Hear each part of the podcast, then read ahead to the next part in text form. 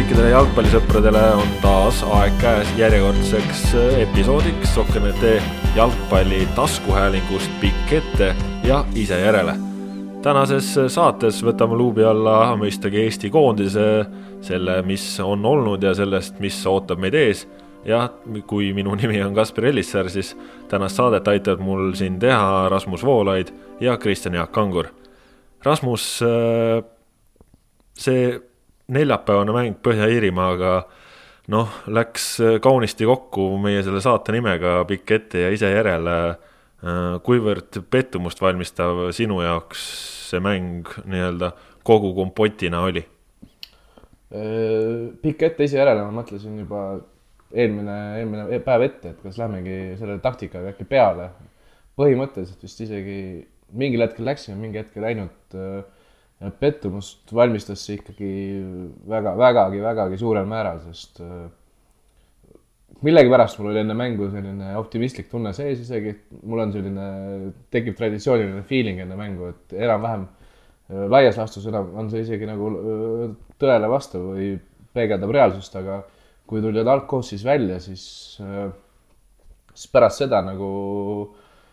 andis enesetunne ka natuke järgi ja, ja, ja siis kui, kui esimesed kakskümmend, kakskümmend viis ära kannatasime, siis mul korraks tekkis isegi tunne, et äkki, äkki tuleb või midagi nagu, et väike variant on isegi võidu peale minna. aga see ka õnneks ikkagi jahutas, jahutas, jahutati kiirelt maha, see tunne ja väga niisugune must maik jäi suhu. Kristjan Jaak, mis meil valesti läks? miljoni dollari küsimus mul oli täpselt nagu Rasmus ütles, samasugune tunne ka, et noh, okei okay,, kannatasime selle kakskümmend ära, et noh, nüüd võib mängima hakata ei hakatudki. mulle tundub, et meestel on endal samasugune suur küsimärk kõigil nagu pea kohal lollumas, et, et noh, mis me teeme valesti või, või mida me peame te tegema teisiti. mu jaoks on, ma, ma ei ütle seda, ma kohe rõhutan, et ma ei ütle seda absoluutselt sellepärast, et ma nüüd tahaks kuidagi mängijatele või peatreenerile siin puid alla panna hirmsasti. Aga, aga kuidagi väga tõesti kummastav on kuulata seda juttu, et, et meil ei ole julgust, et meil ei ole nagu seda noh, tantsutahet või, või, või midagi, ükskõik kuidas seda nimetada. ja, ja ma saan aru, kui ma nagu näen ja kuulan neid intekaid, siis, siis et meestel on endal ka on mingi selline sel-, kerge segadus nagu see ei, ei olegi kindlasti sellest, et äh, Martin Rein proovis uut formatsiooni, et mehed ei suutnud oma kohta leida, see ei jäänud selle taha, kuidagi kõige nukram ongi just see, et okei okay,, noh, tegelikult ju skoor tulla finaalturniiril mänginud meeskonna vastu võõrsilt null kahega tagasi, noh, meid nüüd nagu maa sisse ka ei tambitud otseselt. aga samas, kui vastaste peatreener ütleb, et ega me kordagi ei tundnud, et meil oleks ohtlikud oldud, siis see on tegelikult päris nukker asi, mida kuulata. see, ja see ei olnud kindlasti ka öeldud paha pärast üldse, vaid see oligi nii lihtsalt, me ei olnudki noh, praktiliselt ikkagi me ei olnudki ohtlikud vastastele. see, see on kõige kurvem selle mängu juures, tühja sellest tulemusest või või, või, või millestki muust või sellest formatsiooni proovimisest, tore, et proovitakse, noh, me teame, et ega neid proovimise võimalusi ei ole enam tänapäeval liiga palju alles jäänud kuskilt maavõistlustes, neid tulebki teha punktide peale mängudes, aga noh, jah, nagu kõik läks valesti, aga miks läks sellele ma ei, ma ei ole kindel, kas isegi peatreenerile, mängijatel on vastust veel vähem minul kui sa Põhja-Iirimaa treeneri sisse tõid, siis see tekitas mulle veel eriti suurt julgust enne mängu, kui ülbed põhjaiirlased nagu nende, nende nii-öelda heas mõttes ülbed põhjaiirlased enne mängu olid, ehk nad olid väga-väga enesekindlad, tahtsid ilmselgelt siit võitu saada ja ma mõtlesin, et see on ju see koht, kus on nagu ideaalne ära karistada nende ülbus, aga nad said nii-öelda sama ülbelt pärast mängu edasi panna, et ei olnudki, ei olnudki vastast põhimõtteliselt aga võib-olla see oligi siis äh, põhjairlaste edu võti nii-öelda, et äh, nad olidki ülimalt enesekindlad ja nagu nägime siis põhjusega, et äh, meie olime ettevaatlikud, ettevaatlikkus väljendus kahtlemata ka meie taktikalistes valikutes, et me läksime ikkagi väga ja väga kaitsva koosseisuga sellele mängule vastu ja ja noh, lõpuks jäimegi nii ettevaatlikuks, et äh, et ka need kaks keskpoolkaitsjat, Artjom Dmitrijev, Karol Mets, kes äh, oleksid pidanud seda mängu aitama ehitada, siis äh, nemad olid vajunud äh, noh, sisuliselt kuuendaks ja seitsmendaks kaitsjaks. ja, ja oligi see meie oma ettevaatlikkus teistpidi iseendale meile justkui nagu noa selga löönud, et noh, mulle ka sellest mängust noh, eelkõige probleemina torkaski just silma jah see, et üleminekud kaitsest rünnakule noh, sisuliselt olematud, noh, vähemalt igasuguse loogilise jätkuga, et äh, oligi, ütleme äh,, sellist loogilist positsioonirünnakut äh, sisuliselt luua ei suutnud äh, tagant äh, panime võitluse peale neid palle, noh, ongi seesama pikk ette, on ju, ja, ja noh, samas kui need duellid on seal Hendrik Ojamaa lõhuvõitluses, siis äh, mida sealt on loota või oota, et äh, selle nurga alt ka, noh, ma ei tea, noh, läks tõesti hästi mõnes mõttes nagu morbiidseks see asi kätte, et äh, ja muidugi siis, kui meil see üks kuldne võimalus tekkis Gerd Kamsi söödu järel ja noh, siis Anier ei löönud seda ära, aga noh, mõnes mõttes saad nagu aru ka, et äh, oled tund aega tegelenud äh, noh, tööga, mida noh, paremal päeval teeb võib-olla äärekaitse hoopis, sest ta no tõesti ikka jubedalt töötas alla ja jubedalt panustas kaitsesse ja ja siis üks moment tuleb ja sa pead ära lööma. Ja noh, ei löö, et noh, noh, selle kohta ütles. Anier ise väga hästi ka, et, et ega siin suuremad ründajad on ka jätnud löömata, ega see nüüd selline ka ei olnud, et sul tühi värav ees ja pane, et Just. tegelikult vastase väravavaht tegi seal, hoidis ennast suurena, tegi korraliku tõrje, et jah, muidugi alati võib rääkida, et sellised tuleb ära lüüa ja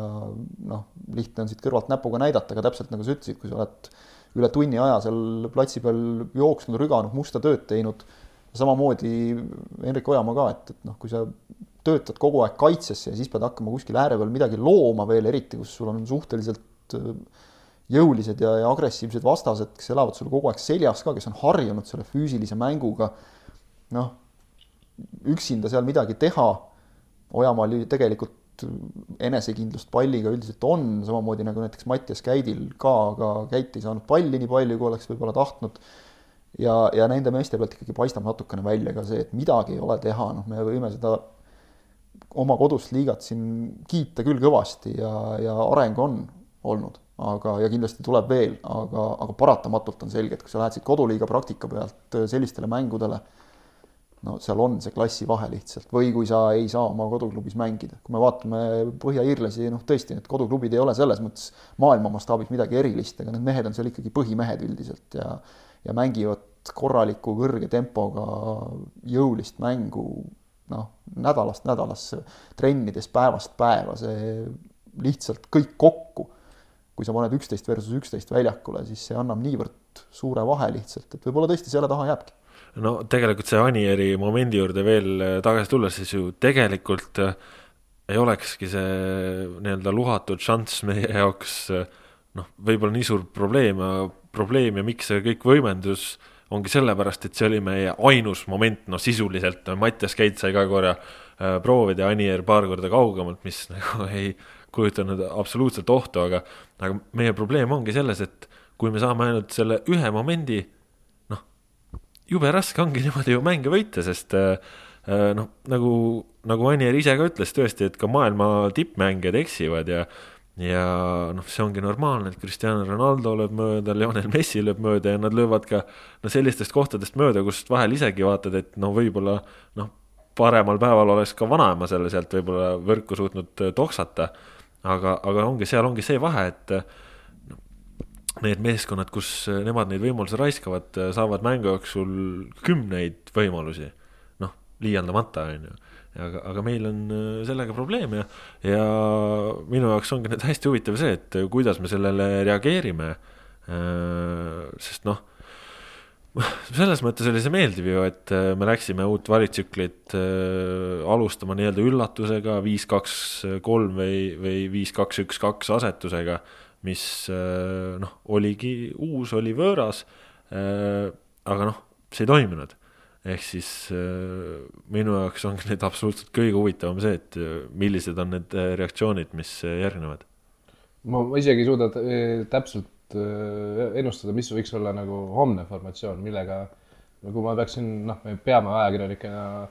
nii-öelda eeldatav algkoosseisu pakkuma, õnneks mitte meie kolmekesi siin, vaid need kaks ääret, kes on Gibraltari koha peal, siis mina nüüd ei julge küll nagu mingit asetust teisest, teistest äh, nii-öelda favoriidiks lugeda, et kas me läheme nelja kaitsjaga, kas me läheme viis-neli-ühte, nii-öelda pöördume tagasi jutumärkides juurte juurde või, või millega me homme minema peaksime, siis ma ei tea, äkki, äkki läheme nelja kaitsjaga. aga Rasmus, kuidas sul sisetunne on, ütleme, et need sügisesed mängud, see nüüd eelmise nädala mäng, kas oleks vaja midagi kardinaalselt muuta või, või tõesti proovime veel edasi siin selle viie kaitsega, kuigi meil siis tavaliselt jääb ette vähe jõudu või siis nüüd viimasel juhul jäi keskväljal vähe jõudu, et kas see on tee, mille me võiksime saada veel toimima või vajab praegu Eesti koondis noh, ütleme, et siis mänguplaanis sama kardinaalset muudatust nagu selle Belgia sahmaka järel? ma arvan, et et äh, viis, neli, üks võiks ju edasi toimuda. sest äh, seda rääkis isegi eelmine aasta vist äh, Reim seal Rahvuste Liiga ajal vahepeal, et võime muid asju katsetada, aga saame alati viis, neli, ühe juurde tagasi minna. ma arvan, et see võiks ollagi see nii-öelda, nii-öelda julgestus all, all, all olemas alati, mida, mida, mille juurde me saame minna, et mina pigem võib-olla kasutaksin ka seda julgemalt. ma siin nii-öelda mingit revolutsiooni praegu ma arvan pigem mitte. Kristjan, kas tuleks minna tagasi neljamehelise kaitseliini peale ja, ja sellega siis kasutada kõiki neid võimalusi, mis ta annab ettepoole? noh, mingites mängudes võib ju proovida, täpselt nagu seesama Gibraltari oma näiteks. ja just, just homse, homses mängus, miks mitte, jah. jah, miks mitte, aga, aga ma olen selles mõttes nõus täiesti, et kui me vaatame kas või sedasama tsüklit, eks ole, siin ette, noh, me noh. me peame iga meeskonna vastu kaitsma tegelikult. jah, me läheme tegelikult kaitsma kõigi vastu, täpselt, väga õige, et, äh, et kui siin ka tulevad noh, Saksamaa ja, ja Holland vastu meile, noh, siis on selge täiesti, seal ei ole midagi mõelda, eks ole, seal, seal tuleb kaitsest lähtuvalt mängida, ma ei näe niivõrd suurt probleemi selles, võib-olla isegi selles asetuses, vaid, vaid ikkagi selles, et noh, nüüd ka, et oli ju kohati hetki, kus meie kõik kolm keskkaitset ettepoole söötudega isegi anti ruumi, mängi, tee ja lihtsalt väristatakse jalga mingil põhjusel, samas need on mehed, keda me oleme näinud kõik mängimas, teame, et nad oskavad palliga mängida. küsimus ei ole selles, et ei oska. või et nüüd tõesti ei ole, seal, seal ei saa rääkida sellest, et nüüd ei ole mingit praktikat või, või, või mida iganes, et noh, nagu ikka spordis sageli, et, et kui sa hakkad vaatama, kuhu kinni jääb, siis ikka peas on see asi kinni sageli, et, et ma, ma ei kujuta ette selles mõttes, mida mida koondis teha saab, ilmselt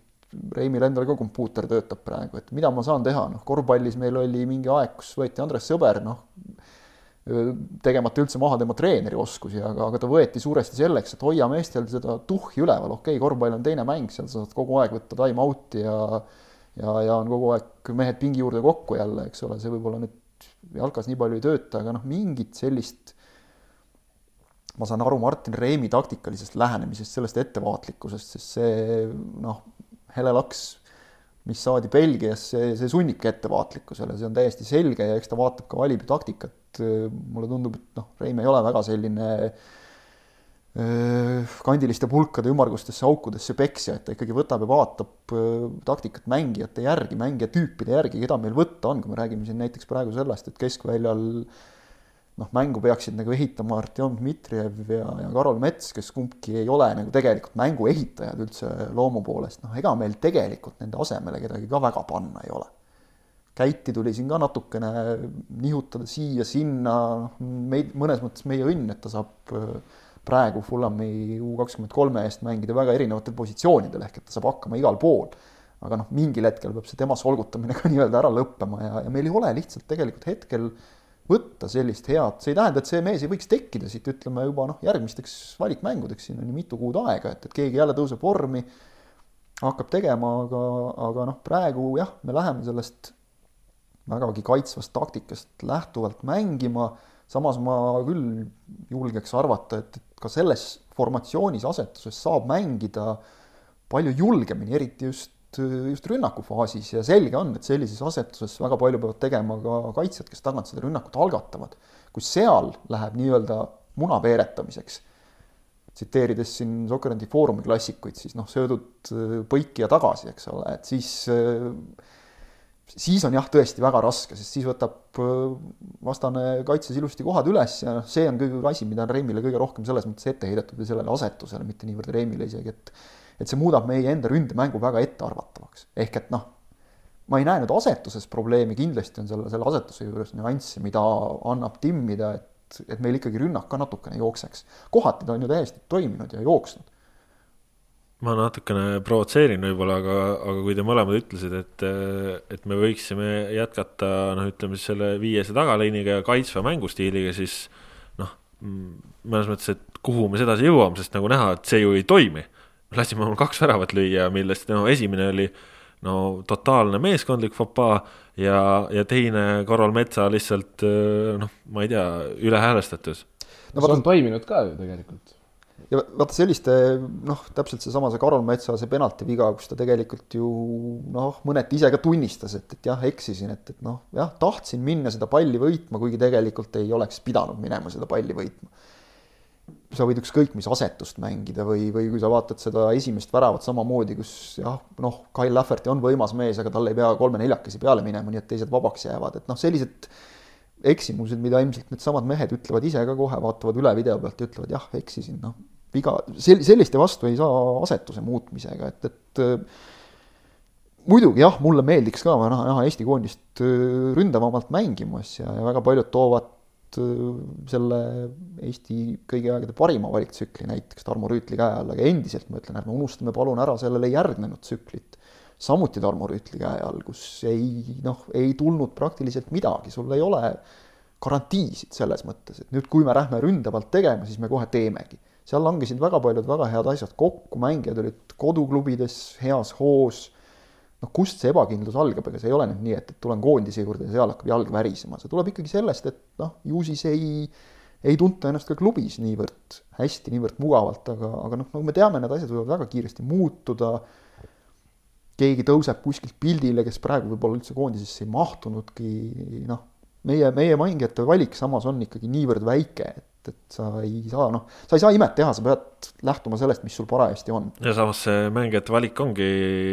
nii piisavalt väike, et kas meil on kuskilt siit nurga tagant siin valiktsükli jooksul selle aasta jooksul kedagi üles kerkimas, et. no see on nüüd see loll lootus, mis minus elab, et, et täpselt ka nagu enne iga mängu on, et no äkki nüüd tuleb, kuigi tegelikult nagu mõistus ütleb, et noh, me läheme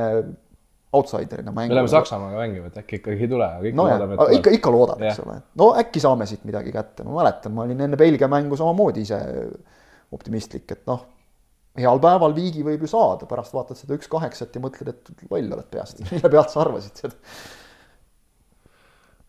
nüüd äh, ongi äh, juba homme õhtul, teisipäeval Gibraltariga mäng tulemas. Äh, minu küsimus teile kas seda mängu tuleks võtta sellise nurga alt, et äh, veel midagi katsetada, veel midagi proovida, anda, ütleme ka noorematele meestele, keda meil seekord koondises on päris mitmeid, anda neile seda mänguvõimalust või on see teistpidi koht, kus on kindlasti vaja taastada iga hinna eest hea emotsioon või siis kolmandat pidi on see äh, Äh, selline koht, kus äh, tuleb äh, proovida see nii-öelda meie tänase päeva ideaalne koosseis saada kokku mängima sedasi, nagu meil oleks vaja valikmängudes. teine ja kolmas ei välista üksteist ja ma arvan, et need on prioriteedid ehk prioriteet, prioriteedid on mängida, kokku mängida head jalgpalli ja kindlasti saada see emotsioon ja nii-öelda rahva poolehoid tagasi ja kõik see kogu see vibe selle koondise ümber nii-öelda positiivseks tagasi, sest äh, praegu see ei ole hea, see ei olnud hea ka juba jaanuarikuiste mängude järel, kui ma õigesti mäletan, siis seal oli see teine mäng oli see null-null Islandiga, eks. selle järel juba oli selline kehv, kehv äh, maik suus ja, ja see Põhja-Iirimaa ainult süvendas ennast ja nagu me siin enne tuletasime meelde, et äh, kohe Põhja-Iirimaa mängu järgsel hommikul hakati müüma Saksamaa, Saksamaa koondise mängule pileteid, siis kui, kui tahetakse sinna staadionile kedagi saada ka, maikuus, siis on vaja kindlasti, kindlasti see emotsioon üles saada ja ma arvan, et seda saab ainult võiduga ja ainult hea mänguga. ja aga, aga miks, see ei tähenda ka seda muidugi, et Roosnip ja Liivak ja kes seal, kes seal nooremast generatsioonist on, et neile võiks mänguaega anda, miks mitte isegi võib-olla üks-kaks meest algkoosseisu lülitada, aga, aga kindlasti me peame mängima seda, nagu Gibraltar ütles, et see on põhimõtteliselt valikmäng ikkagi. jah, noh, jälle keeruline selles suhtes, et äh, kindlasti oleks vaja sealt saada hea tulemus emotsionaalses plaanis äh, ennekõike koondisele endale. Loomulikult tore ka, kui fännid rõõmustada saavad, aga ennekõike on seda koondisele endale tohutult vaja, et sa lähed vähemalt praegu jällegi klubi juurde tagasi mingi positiivse emotsiooniga, et noh, kui sealt kuidagi hirmsa kangutamisega näiteks tuleb ka üks-null, noh, ka sihuke selline natukene hapu nagu, et, et ma tahaks ennekõike näha sellist noh, innukat lustlikku mängu, muidugi nagu Gibraltar tahab seda kindlasti kõvasti lõhkuda, meie mängu, aga noh, tehke. ma mäletan äh, Tarmo Rüütli käe all, ma eeldan, et see oli Hollandiga kaks-kaks viigimäng, enne seda, päev enne seda õhtuse treeningu ajal Rüütli tegi nii-öelda kohustusliku kava ära, Rüütli aeg oli ju see aeg, kui sai veel, said ajakirjanikud olla algusest lõpuni, vahel öeldi sulle isegi äh, saladuskatte all algkoosseis ära järgmiseks, järgmiseks päevaks, et et, et siis sai seda lõpuni jälgida, seda treeningut ja Rüütli võttis seal üks kümmekond minutit enne lõppu mehed kokku, ütles, et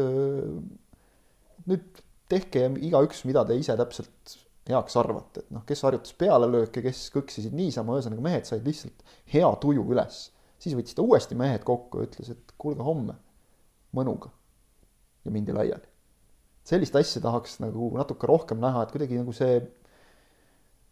lõbu või, või mõnu sellest mängust, mis on ju tegelikult see põhjus, mille pärast kõik need mehed on hakanud jalgpalli kunagi mängima. see on nagu kuskile kuidagi ära kadunud seal on muidugi palju põhjuseid, miks noh, vahepealne periood oli ka selline, kus me teame, kus väga no isegi poolavalikult juba, juba koondises käies Pärssoni ajal mõnel mehel kadus nagu mängurõõm ära täiesti. sest et olid, kes oli vales rollis, kes ei, ei saanud võib-olla nii palju väljakule, kui tahtsid. kuskilt sealt maalt on nagu läinud see pall natukene veerema minu meelest allamäge ja, ja vales suunas, et tuleb, kuidas välja tuleb. aga, aga kui sa lähed mõnuga, innuga mängima, siis üldiselt tuleb, tuleb ka välja nagu, et, et, et seda tahaks näha ennekõike sealt, aga, aga jah, loomulikult selge on see, et, et tulemus noh, on, seda võitu oleks väga-väga hädasti praegu vaja, kui sealt tullakse tagasi mingisuguse noh, null-nulli või, või veel hullem kaotusega või, või isegi tõesti mingi väga puises ja kinnises stiilis saadud üks-null võiduga, ma arvan, et see ka tegelikult ei rahulda kedagi, nii et, et see, see on noh keeruline küsimus, aga sellepärast ongi Martin Rein peatreener, tema peab nendele küsimustele vastused leidma ja ma olen täiesti kindel, et ta on veetnud päris mitu unetut tööd ka neile küsimustele vastuseid otsides. ma isiklikult öö, ootan kindlasti seda, et Eesti koondis läheks mängima väga selgelt tulemuse peale. ma ütlen ausalt, ma oleksin pettunud, kui meie algkoosseis näeb juba välja selline, et äh, me läheme sinna mingeid katsetusi tegema ja, ja mul on tegelikult täielik õigus olla pettunud, sest äh, ma olen Eesti Vabariigi kodanik, ma olen jalgpallihuviline ja mul läheb kahtlemata väga korda, mida Eesti koondis teeb, nii et äh, ma arvan, ma arvan, mul oleks isegi täiesti õigus olla, olla kuri selle nurga alt, sest noh, praegu kõige halvem asi ongi juba praeguseks ära juhtunud, juhtunud on see, et koondis on äh, teatud mõttes äh, röövinud äh, fännidelt ehk siis inimestelt, kelle jaoks mängitakse rõõmu. Ja ja praegu ma ütlen ausalt, et iga päevaga üha, üha raskemaks läheb ka noh, mul isiklikult siis oma erialase töö tegemine selle nurga alt, et kui noh, minu ja, ja teie töö on ka kajastada jalgpalli ja noh, näidata seda, mis, mis toimub, siis äh, väga raske on seda teha, kui inimesed on kaotanud usu oma riigi rahvuskoondisesse. Ja, ja praegu ma neid ilminguid näen ja see on väga-väga kurb, sest äh, noh, kui sa pead äh, avalikkuses äh, noh, juba puutuma kokku mingite pilgetega, et mis asi see jalkakoondis on, et mingid naljamehed, et see on nagu noh, valus on see tegelikult noh, minu kui nii-öelda jalgpallisõbra jaoks ja ja, ja selle pealt ma tõesti väga loodan, et et see algkoosseis, mis Gibraltari vastu väljakule jookseb, et see on pandud sellise plaaniga et, et ta on sisuliselt ideaalkoosseis, millega me võiksime mängida ka edaspidi valikmängudes, ehk siis no muidugi ma saan aru, et on vaja anda ka noorematele meestele seda tunnetust, neid võimalusi, aga no väga selgelt on meil selle jaoks olemas ka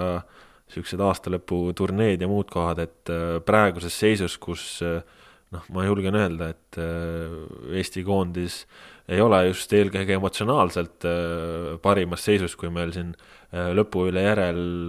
kõik mehed ise ütlevad, et jääb enesekindlusest puudu, jääb eneseusust puudu. Äh, treener ütleb, et äh, mängijatele on pandud ülesanded, aga nad ei, absoluutselt ei täitnud neid. et sellises olukorras me ei saa minna, noh, piltlikult öeldes nalja tegema, et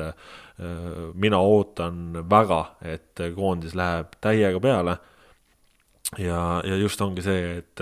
et mängida seda mängu, mida tahe, tah-, tahetakse, et saada need äh, süsteemid toimima, muidugi Gibraltar on selline vastane, kelle vastu on sul seda parem teha ka, aga Põhja-Iirimaa ei olnud ka, nad ei olnud mingisugune ulmesats ja, ja noh, muidugi ei tasu ka Gibraltarit alahinnata, et nad siin Iirimaale kaotasid ju äh, valikmängus ainult null-üks ja, ja kindlasti on nemadki äh, Äh, vahepealse aja jooksul ka edasi arenenud, et selles mõttes muidugi ei, ei tasu oodata, oodata, et tuleb mingi kerge jalutuskäik või, või siis ongi, et minna nagu teistpidi üleolevalt kuidagi peale. aga, aga mina ootan küll, et, et see keskendatus on väga kõrgel tasemel, motivatsioon on väga kõrgel tasemel ja, ja ongi, ütleme, et kui meil on siis rünnakute äh, ülesehitusel on probleemiks kas A see, et äärekaitsjad on liiga madalal või B see, et keskpoolkaitsjad on liiga madalal, siis noh, suurepärane koht, et, et neid asju timmida normaalsemaks, anda meestele usku ja, ja mina jah, selle nurga alt äh,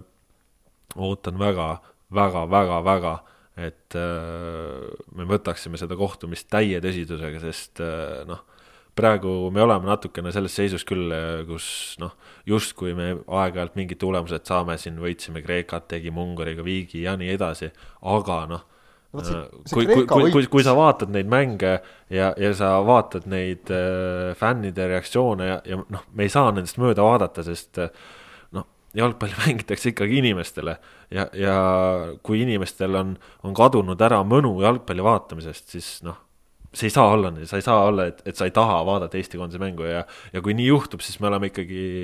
noh, mõnes mõttes nagu kriisi äärel. Kreeka võit on karuteene meile natuke, ma arvan. see Kreeka võit on täpselt see, mida ma tegelikult silmas pidasin, et jah, võidad üks-null, aga no tegelikult kui palju oli neid, kes sellest, okei okay,, see ka, et, et ta nagu ei andnud meile võib-olla tohutult midagi, eks ole, enam, aga aga noh, et sa jah, saad selle üks-null võidu, aga noh, kui palju oli neid isegi Eesti koondise selliseid tõsifänne, kes selle all tohutut rõõmu tundsid. noh, korraks jah, juhhei ja, ja see ei ole selline, mida sa head võitu sa mäletad järgmisel hommikul, eks ole, ja kauemgi, et jah, sisuliselt me räägime tegelikult samast asjast, täpselt see, et, et minna nagu ühtepidi lustima, teistpidi olla piisavalt distsiplineeritud, teha täpselt, täita treeneri ülesanded, teha nii-öelda omad ära ja, ja ma natukene veel selles mõttes laiendaksin või täpsustaksin su mõtet, et, et jah, väga õige, mängitakse fännidele, võib-olla isegi see, kui kui tuleb suvaline inimene, kes võib-olla noh, jalgpalli jälgibki nii palju, et meistrite liigat alates poolfinaalidest ja, ja, ja kuskilt koondise valikmänge ka võib-olla mõnda, eks ole, mõnda mitte, suuremate vastastega. Ainult tuleb siin sakslasi ja hollandlasi vaatama, eks ole, et noh, võib-olla kõiki ütlemisi ei pea hinge võtma, aga vaat, mis minu jaoks on probleem ja ja ikka päris suur probleem on see, et kui sa vaatad koondise viimaseid kodumänge, siis äh, meie oma jalgpallihaigla tribüün jääb järjest hõredamaks. ja vot see on probleem. mingil hetkel ta järjest kasvas, oli keskel oli see jalgpallihaigla, ükskõik kes seal on, see ei olegi tähtis, ja tiivad muudkui nii-öelda pikenesid, pikenesid, see tribüün, terve otsatribüün oli täis äh, Eesti fänne, nüüd on nii, et äh, Soome tuleb siia. ja noh nad, okei okay,, võõrsil fännid laulavad võib-olla kodufännid üle nii mõnigi kord, eks ole, sest nad on organiseeritumad. Neid on selles ühtses pundis rohkem koos, aga, aga seal löödi no absoluutselt kõigega. massiga, kirega, kõigega. okei okay,, soomlastel oli ka väga hea, väga hea tõusulaine, mille pealt nad tulid siia. aga no naabrid lased oma koju ja, ja ütled, et, et jah, okei okay,, laulge meid, noh, mis siis ikka, see ei ole etteheide fännidele, sest et noh, see kõik on ahelreaktsioon tegelikult, see, see, see peegeldub ja ma ei taha tõesti jällegi ka nagu siin, siin üleliia nüüd äh, tampida, tampida mängijaid, aga, aga lihtsalt see on ilmselgelt probleem,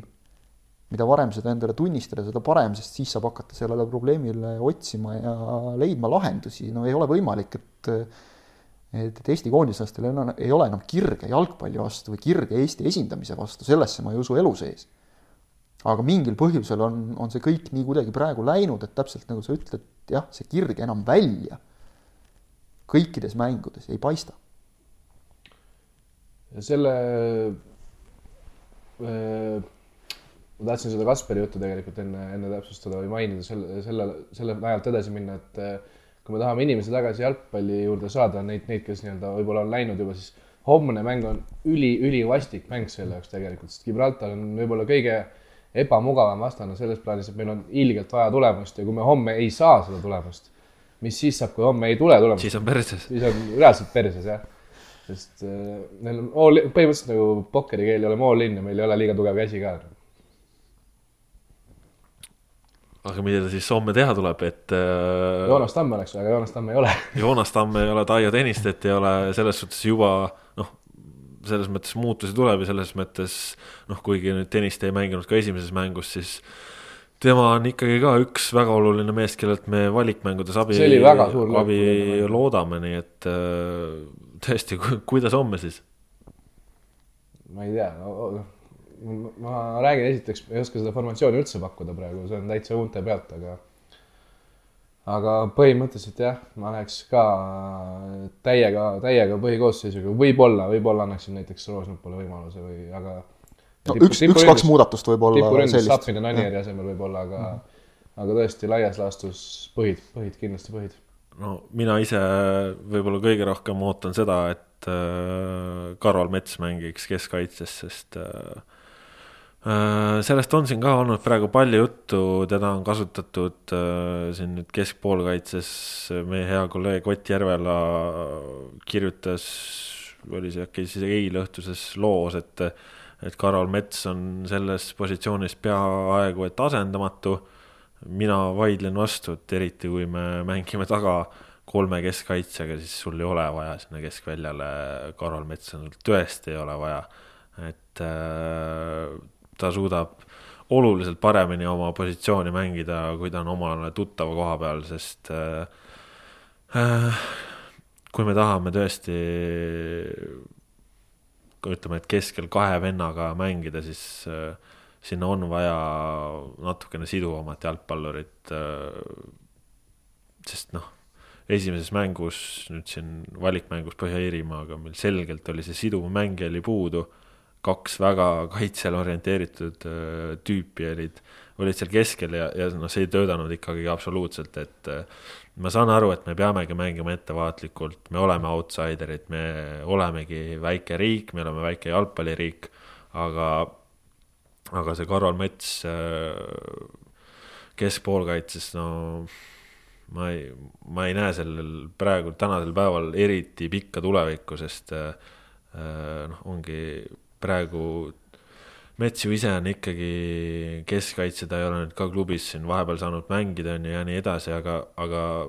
see, et tal on okei okay jalaga mäng, seda me saame kasutada ära ka tagaliinist, sest eelmine kord see oli probleem. Äh, ja noh, mitte, et seal oleksid olnud halvad mehed, sest ka Joonas Tamm ja Nikita Baranov suudavad väga hästi jalaga mängu avada, aga no lihtsalt kvaliteet puudus neljapäeval. ja, ja just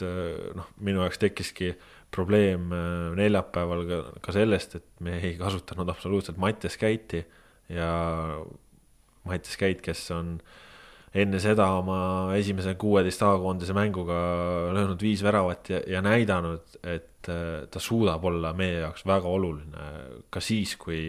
kui tal on olnud vigastuspausid, ta on vähe praktikat, ta on tulnud koondisesse, ta on suutnud olla, on suutnud teha, on suutnud meid mõnes mõttes vedada just rünnakutel, pakkuda seda särtsu. aga, aga selleks, et ta saaks seda kõike teha, on tal vaja palli. ja, ja Põhja-Iirimaa vastu selle number kümne koha peal mängides ta ei saanud seda, ta oli mõnes mõttes liiga kõrgel, ehk siis äh, Mattias Käit peaks mängima number kaheksa peal. Ja, ja tõesti, kui, kui seda Karol Metsa on vaja panna sinna poolkaitsesse niimoodi, et me läheme mängule vastu nelja äh, siis ta, ta kõrval peab olema, olema Käit ka siis, kui me läheme Hollandi või me läheme Saksamaa vastu. me ei saa olla niimoodi, et meil on platsil, platsi südamikus äh, viis konkreetselt väga kaitsvat mängijat, äh, sest noh, me ei hakkagi niimoodi seda mängu üles ehitama, me ei jõua niimoodi mitte kuskile, et. Äh, no täpselt see, mida on öeldud ka Reimi taktika kohta, et, et väga lihtne on näha, kuidas noh, meil see rünnaku ülesehitamine võtab nii kaua aega lihtsalt, et väga lihtne on seda ette näha, läbi näha, näha enne mängu, näha jooksvalt üks mees, sa ütlesid enne õigesti, et noh, ega meil neid selliseid, et keegi hüppab nurgast välja, selliseid mehi väga palju ei ole, kes nüüd praegu on, üks on minu meelest, kes on praegu koondisest noh, täiesti arusaadavatel põhjustel seekord väljas, Ilja Antonov, kes, kes kindlasti annaks ka juurde, kes lihtsalt annab kas või vahetuse võimalust või mingit vangerdamise võimalust, sest noh, oleme ausad, Konstantin Vassiljevi sobitamiseks Rein kulutas tõesti siiras nagu tões ja vaimus, proovis, üritas noh, pool eelmist aastat praktiliselt, igasuguseid maavõistlusi ja kõiki ja, ja ei leidnud talle seda kohta. vahetusmehe koht ilmselt olen seda vist meie siin saadeteski juba enne öelnud, et on praegu Kostjale kõige parem, et noh, temaga nagu kui põhimehega pigem ei saa arvestada enam ja ma usun, et ta on sellega ka ise leppinud täiesti no,. samas selle viis, kaks, üks, kahega seal isegi no. võiks talle koha leida, aga noh, see tähendakski, et. koha leiab selles mõttes jah, aga, aga ma ei ole kindel, kas ta on nagu enam päris selline põhikoosseisu mees, noh, okei okay,, anname talle natukene aega ka praegu ikkagi see mängupaus veel annab tunda natukene, aga, aga noh, jällegi me jääme selle juurde, et Eesti liiga, siin tempo, noh, ja, ja kõik need muud asjad. aga Antonov osas ma olen nõus küll jah, loodetavasti ta saab omal klubi osas need asjad äh, kiiresti paika, sest äh, noh, tema on, on ikkagi ka seda tüüpi mängija, kes äh, suudab seda mängu vajadusel siduda ja, ja tal on olnud koondises ka, ka väga okeisid momente, aga noh, see tähendabki jah seda, sedasama, et äh, mängija mängiks klubis, teeks seda regulaarselt. Ja see on probleem ja noh, selles suhtes ma absoluutselt ei, ei kadesta Martin Reimi, et äh,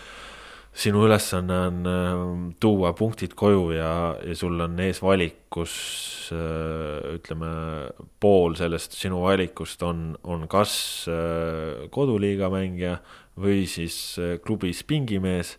ja noh, lisaks on mul sul puudujaid ka, et sul ei ole Ragnar Klavanit, sul ei ole Siim Lutsu, on ju. Luts, kes on ka alati noh, selline äh, väike äh, sihuke särav täht meil seal, kes võib midagi teha lihtsalt puhtalt oma,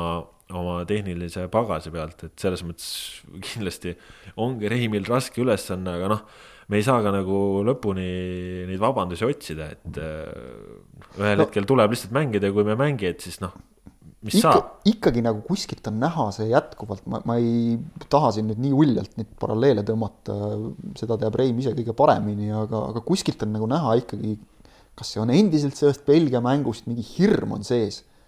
ja noh, elu on näidanud üldiselt, et kui minnakse ükskõik, kas jalgpalli mängima, midagi muud mängima, mingit sporti tegema et ei kaotaks, siis läheb pekki tavaliselt. Et, et noh, ikkagi ja eriti sellistes mängudes sa pead minema selle mõttega, ma lähen võitma, ma lähen, lähen siit võitu võtma, seal, seal ei ole teist varianti lihtsalt. Ja vot see minu meelest kuidagi selline, kas selline mõtlemine või enesekindlus, kuskile on see natukene kaduma läinud. Vähemalt kõrvalt vaadates niimoodi tundub, ma ei tea, ma, ma ju ei ole meeskonna koosolekutel olnud, ma ei tea, kuidas seal, eks ole, meeleolu on, kas võib-olla tõesti on nii, et sel hetkel on kõik nagu okei okay ja siis väljakul laguneb. Miskipärast nagu natukene kahtlen, et, et kuskile kuidagi mingid asjad, mingid põhiasjad on nagu ära kadunud. jaa, olen nõus ja, ja noh, tegelikult see alateadvus, mis ta võib seal väljakul teha, see võib ju ka mõjutada, aga siin ma tookski väga äh, tabavalt välja selle, Rasmus, mis sa ka kohe alguses ütlesid, et äh, põhjaiirlased juba enne mängu olid hästi ülbed ja, ja nagu nägime siis põhjusega, siis no võib-olla me peaksime ka olema ülbemad, et. jah, kas, kas see on ülbus üldse, võib-olla see on vajalik äh, enesekindlus. see on heas mõttes ülbus. et noh, muidugi vaat alati heidetakse ka ette, et mis mõttes sa ütled, et sa lähed võitma ja siis sa tuled mingi asjaga tagasi, aga aga no kuidas sa, sa ei saa ju minna ka äh, selle, see ongi tõesti selle mõttega väljakule, et vähemalt loodetavasti me ei kaota, et no see on tõesti nagu juba mõnes mõttes nagu ette kaotatud lahing ja. selle kohta on üks hea lause, on see, et võitjad ei ole pehmest puust tehtud. sa ei saagi olla viisakas selline, ega, ega see põhjaiirlaste jah, heas mõttes ülbus ei olnud mingisugune laiamine. See oli teadlikkus sellest, et jah, me oleme selles mängus soosikud, jah, me läheme, me lähemegi seda mängu võitma, sest meil on kodus kaks esimest mängu on äh, meeskondadega, keda me peame võitma, kuna meil läheb Hollandi ja, ja Saksamaa vastu läheb keeruliseks, jah, lähemegi võitma neid kahte mängu ja palun väga, võitsidki, kujutad ette. ja on tabeli liidrid aga siin me lähme või saame ajas veel liikuda tagasi, kuni see loos tuligi, sest seda me küsisime juba Reimilt, ma ise vist küsisin seda Reimilt äh, pärast loosi, et mis, mis kohta me püüdma läheme ja ta ütles ausalt, et maksimaalne tulemus üldse on kolmas, et me isegi ei ole, ei ole mõtet nagu rääkima hakata esikahe sisse pürgimisest, et kas. on see eestlaslik äkki natukene? kas kas on õige, kas on vale? no selles mõttes äh, võib-olla see kolmanda koha ütlemine, väljatoomine oli nagu selles mõttes jah, nagu tasakaalukas äh, samm, sest noh, tõesti äh, noh, Saksamaa ja Holland, see on midagi muud. E, ja, ja nagu ma saangi mõnes mõttes sellest ettevaatlikust aru, kui me räägimegi mängudest Saksamaa ja Hollandiga, aga et me noh, põhimõtteliselt juba ka enne Põhja-Iirimaad väristame et noh, muidugi nad on täiesti teine meeskond, nad on arenenud ajas edasi, nad on jõudnud suurturniirile ühele ja teisele väga lähedale. Nad ongi tippkvaliteediga meeskond, noh, meie mõttes on ju. aga, aga nagu me nägime väljakul ka, see ei ole, see ei ole see Saksamaa, see ei ole see Holland, see ei ole see, mida nagu need kaks võistkonda näitasid pühapäeva õhtul. ma tooks ühe näite ka, et Ungari, kellega me siinsamas Lillekülas madistasime väga, väga võrdselt ja, ja noh, keda isegi tegelikult nagu kuidagi jäi nagu kripeldama, et oleks pidanud võitma seda meeskonda. Ungari pani Horvaatia kotti. Ungari käis ka samamoodi. Ungari pani meid ka kotti. noh, okei okay,, pani ka meid, aga me mängisime selle Ungariga täiesti rahulikult. Ja ma, ma ei usu, et kui ungarlased oleksid läinud selle mõttega nüüd Horvaatia vastu mängima, et oh sa kurat, et äh, MM-finalist, et ei tea, kuidas me ikka saame, noh siis ei saagi. siis ei saa kindlasti, Eesti koondis on tegelikult seda ju korduvalt näidanud, et äh, et, et ka suurte vastu, isegi kui me oleme kodus kaotanud. ega Hollandi vastu poleks pidanud siin kuus aastat tagasi ka saama. täpselt, ei oleks pidanud saama, eks ole, neid on siin veel olnud isegi ka mänge, mida me oleme kaotanud tegelikult noh, okei okay,, vastane on pannud oma klassi lõpuks maksma, aga me oleme väga tublilt vastu hakanud, me oleme võimalusi tekitanud see saab olla ainult tänu sellele, et me oleme läinud julgelt mängima nendega. koduseinad loomulikult, see on midagi hoopis muud, aga vot praegu on mul selline tunne, et, et kuidagi see on kõik ahelreaktsioon. kui koondis ei paku enam fännidele, nagu me rääkisime, siis ei tule fännid nii-öelda toeks taha, ei saa koondis sealt omakorda emotsiooni vastu, aga algab see tegelikult kõik ikkagi sellest, mida sa väljakul teed, mida sa väljakul pakud. ja, ja kuidas sa ennast äh, vaimselt tunned, sest äh, noh, tuletamegi meelde kasvõi seesama Eesti-Kreeka, kui me räägime siis üks valitsükkel veel tagasi siinsamas Lillekülas. Äh, Eesti kaotas null kaks, aga valdas rohkem palli, oli üliohtlik ja, ja see oli mäng, äh, mis tõesti nagu ma mäletan pärast seda, et tõesti Eesti kaotas Kreekale null kaks ja, ja pärast mängu nagu inimesed olid kuidagi õnnelikud või. et vau, et me jube hästi mängisime, kõik olid nagu rõõmsad, mindi optimistiga no, sellele Belgia mängule vastu ja. see on see klassika, eks ole. ja siis läkski kõik sealt alates, ei ole põhimõtteliselt mitte midagi ju väga hästi olnud. tuli tulemus, mis ta tuli, aga anti endast maksimum. see ongi ju, see on miinimum, mida, minimaalne asi, mida sa teha saad, on anda endast parima väljakul. ja jälle noh, kuidagi ei taha öelda, et mehed, me ju nägime tegelikult ka selles Põhja-Iirimaa mängus nagu, nagu joostakse, tehakse. Ja see ei ole loomulikult mingisugune Eesti koondise sündroom ega midagi sellist, vahel see lihtsalt nii läheb ja loomulikult koondises selliseid asju ümber pöörata on, on palju-palju keerulisem, isegi kui sa siin rakendad seda tänapäeval juba täiesti tavalist äh, klubide taktikat, et noh, kui hakkab kaotusi tulema, laseme treeneri lahti, paneme uue pukki.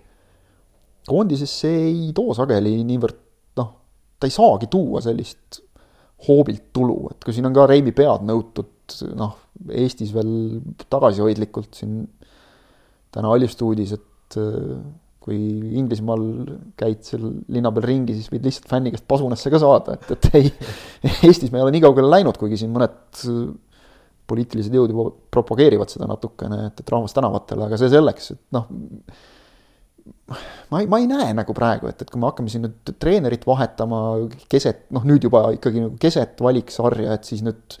paugust midagi muutub. noh, loomulikult, kui lähevad tulemused ikka väga metsa, siis, siis tuleb lugeda see peatükk lõppenuks ja, ja leida keegi muu, aga aga noh, ennekõike ma ikkagi usun, et, et sellest praegusest koondisest praeguse peatreeneriga annab veel palju-palju rohkem välja pigistada, aga täpselt see ongi see, et sellest, sellest selleks tõukejõuks võib saada üks mäng kas või seesama Gibraltari mäng näiteks. me, me ei tea seda ette. oleks väga-väga oleks vaja õnnestumist, sest äh, noh, tegelikult äh, ütleme ongi, et ega ju mõnes mõttes nagu Reimil ei saa ette ka heita tema plaanidesse või tema visioonidesse probleemid on olnud selles, et, et neid plaane ja visioone ei, ei ole ellu viidud ja, ja noh, muidugi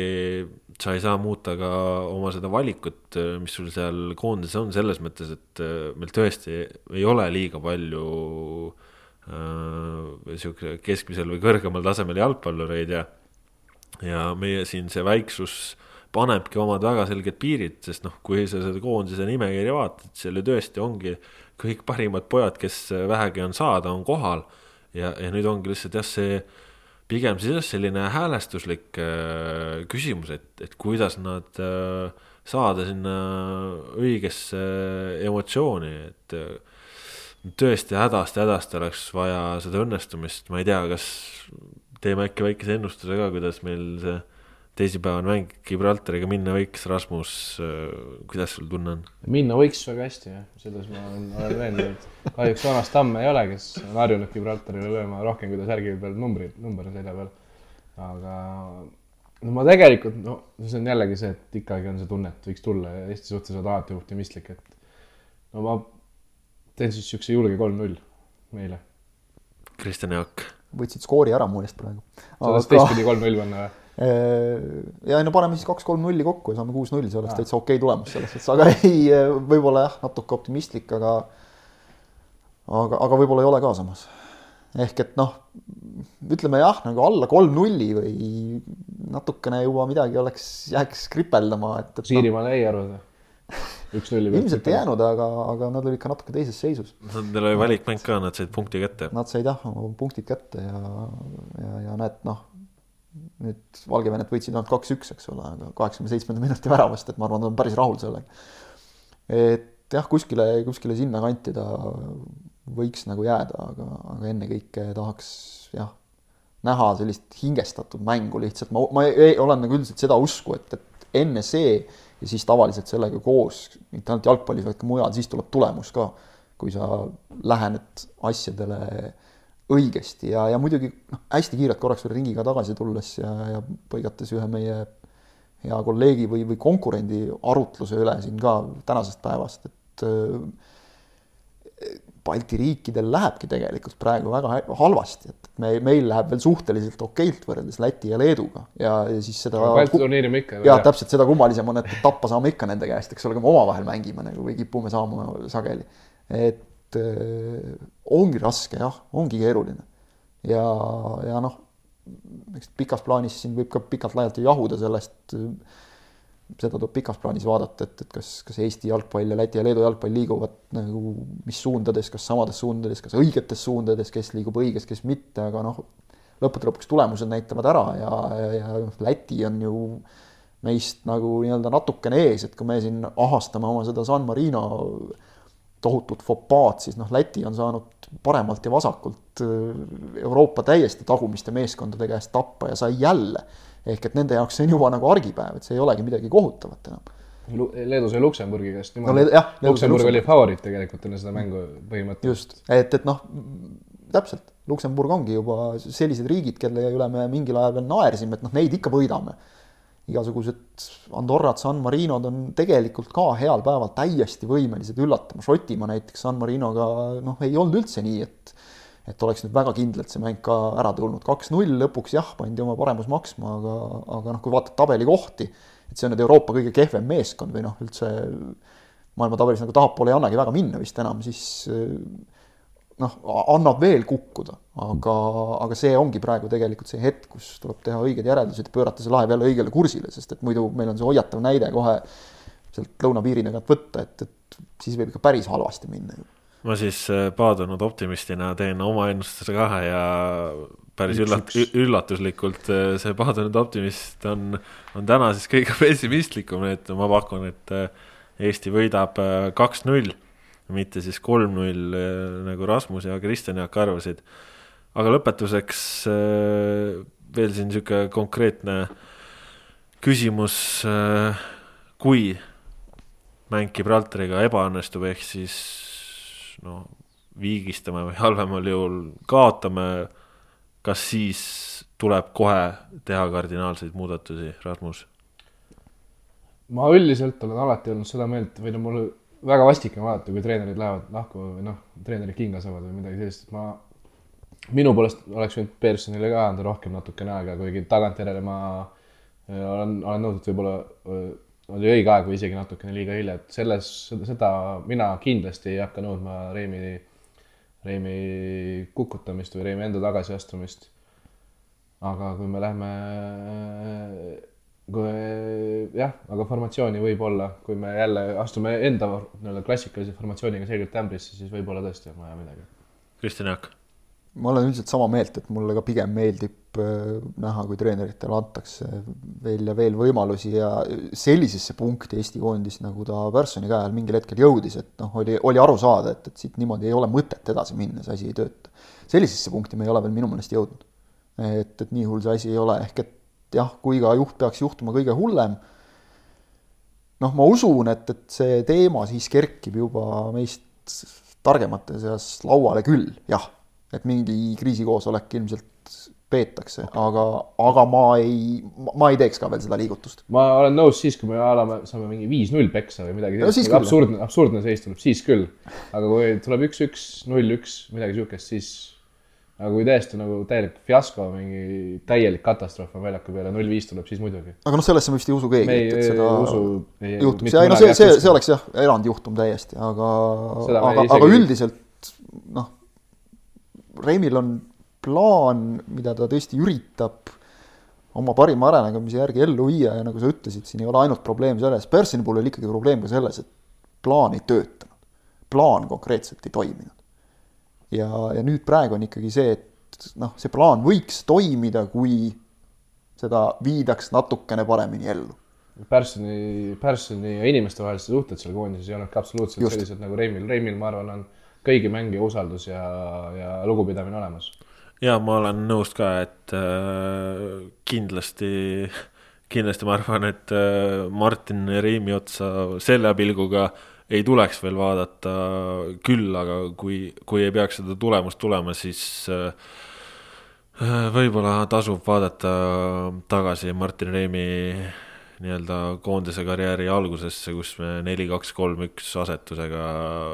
mängisime vähemalt lustakalt, nii et äh,